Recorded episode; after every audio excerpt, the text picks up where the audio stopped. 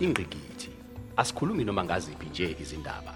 Sithukusa ezindabeni eziqukethe ubunjalo obuyifagugu umsoco banzi kanye nobuntatheli obuhlabahlosile itholakala maphakathi nesonto njalo ntambama ngelesithupha lapho sifunda khona izindaba ezintathu ezikhethiwe oshicilelweni lwakamuva lwephephandaba ibayede amadocumentary kanye nokulandisa. Kuzo zonke izimvezwa nama-podcast abalaleli abathokozeli ubuntatheli obuhlabahlosile amadocumentary nokuhlaziya kuphela kodwa bafunda kabanzi ngolimi hlanganyela nathi ngelesithupha ntambama maphakathi nesonto uthole ingqikithi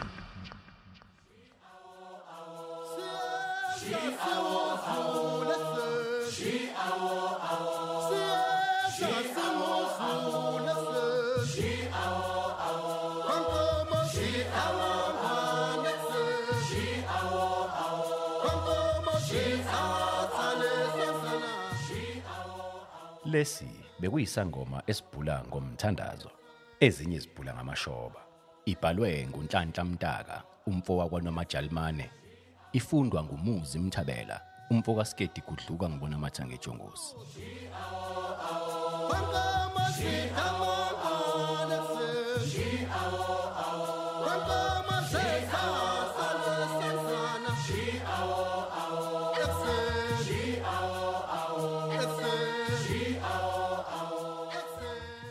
inkolo njengewesiko bekuyinto emqoka empilweni yesilo.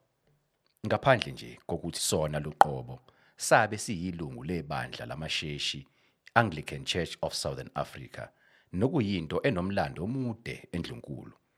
Ongangezwe lakhe ubengazixwaye ezinye izinkolo kanye namahlelo. Akuyona imfihlo ukuthi ubudlelwane bakhe nabaholi bezenkolo kanjalo namahlelo ehlukene. Ukusebenzise kakhulu ezinhlelweni zokubuyisana nokuthula emphakathini wakwaZulu Natal.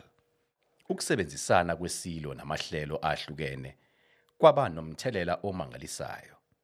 Akugcinanga nje kuphela ngokubhula umlilo lapho kubhekene khona abohlanga bebodwa.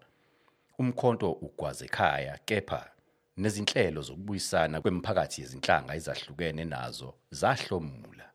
Nxa sikhuluma ngobumqoka bokusebenzisana phakathi kwabaholi bamahlelo ahlukene kanye nalokho esabe sicabanga ukuthi kuyindima yaso. Isilo sasithi siyakwemukela ukuthi iningizimu Afrika iyizwe lamasiko nezinkolo ezahlukene.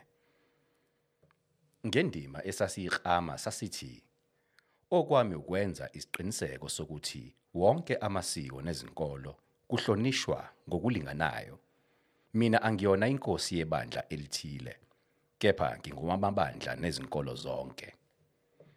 Ile nkulumo kanye nezenzo zesilo okwenze ukuthi ngonyaka ka2013 ibandla lamasheshi aseningizimu neAfrika lisihloniphe ngendondo eyaziwa nge The Order of St Michael and All Angels Award lena indondo ewuphawu lokuhlonishwa okusezingeni eliphakeme kakhulu enikezwa iDiocese of Zululand kulowo wenze umnikelo omkhulu.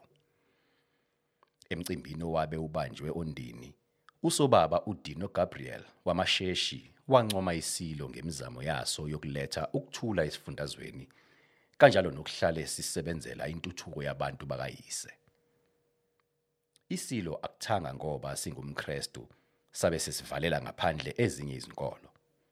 Njengohlelo lokuqinisa ukusebenzisana kubaholi bezenkolo namahlelo ahlukene. Ongangezwe lakhe wahambela zonke izinkolo namahlelo kanti futhi wayisikhiphele wonke amabandla. Amahlelo nezinkolo isimemo sokuba baye esigodlweni ukuyokhuleka uma kunesidingo. Ibandla lamaNazaretha nesilitusa ngokukwazi ukuthi kuleminyaka evile ekhulwini likwazi ukuqhakambisa ubuAfrika labe lingapheli komkhulu nasemsebenzini yesizwe. Empeleni sakhipha uhlelo esathi luyoma ungunaphakade ukuthi njalo uma kuzoba nomkhosi woselwa amaNazaretha kube yiwo ashanela amabala. Nembala ayefika kube mhlopha amaqele kwanongoma. Isilo saba ingonyama yokuqala emlandweni ukuba sethamele umthandazo wabenkolo yobusulumane eba njalo ngolwesihlanu esikhungweni esidumile sabalandela inkolo iJuma Masjid Mosque eThekwini. Okwalandela lapho kwaba izinhlelo ezahlukene nayilapho sabe sihambele abenkolo yobusulumane kanjalo nabo befika esigodlweni. Siphawula ngesikhathi sihambele iJuma Masjid Mosque sathi sonke singaba kaNkuluNkulu munye.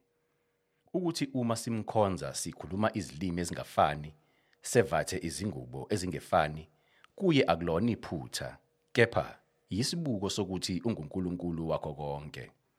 Nami njengenkosi yenu, ngokuhambela zonke izinkolo, ngilandela kulezo sifundiso.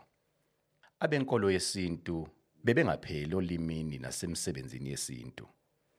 Besihlale njalo sigqugquzela ukuthi bangashiywa ngaphandle ngoba nabo njengawo wonke amahlelo bayisithako esimqoka ekondleni abantu ngokomphefumulo nangokwengqondo.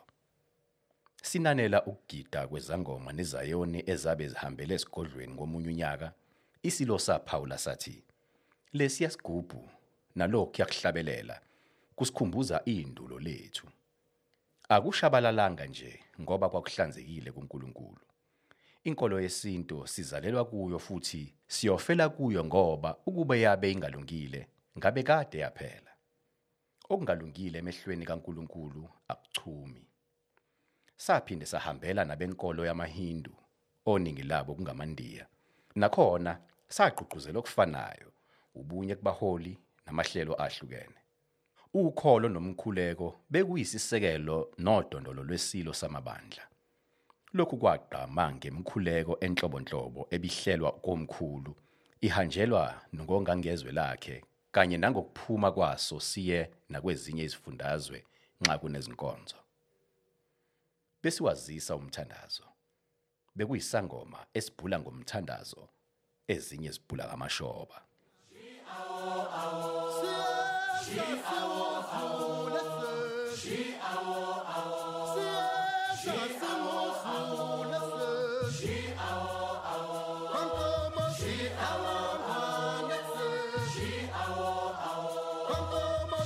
Ibhalwe ngumnhlanhla mdaka umfo kwaNomajalimane yafundwa ngumuzi Mthabela umfo kaSkedi Gudluka ngibona amathanga ejongosi.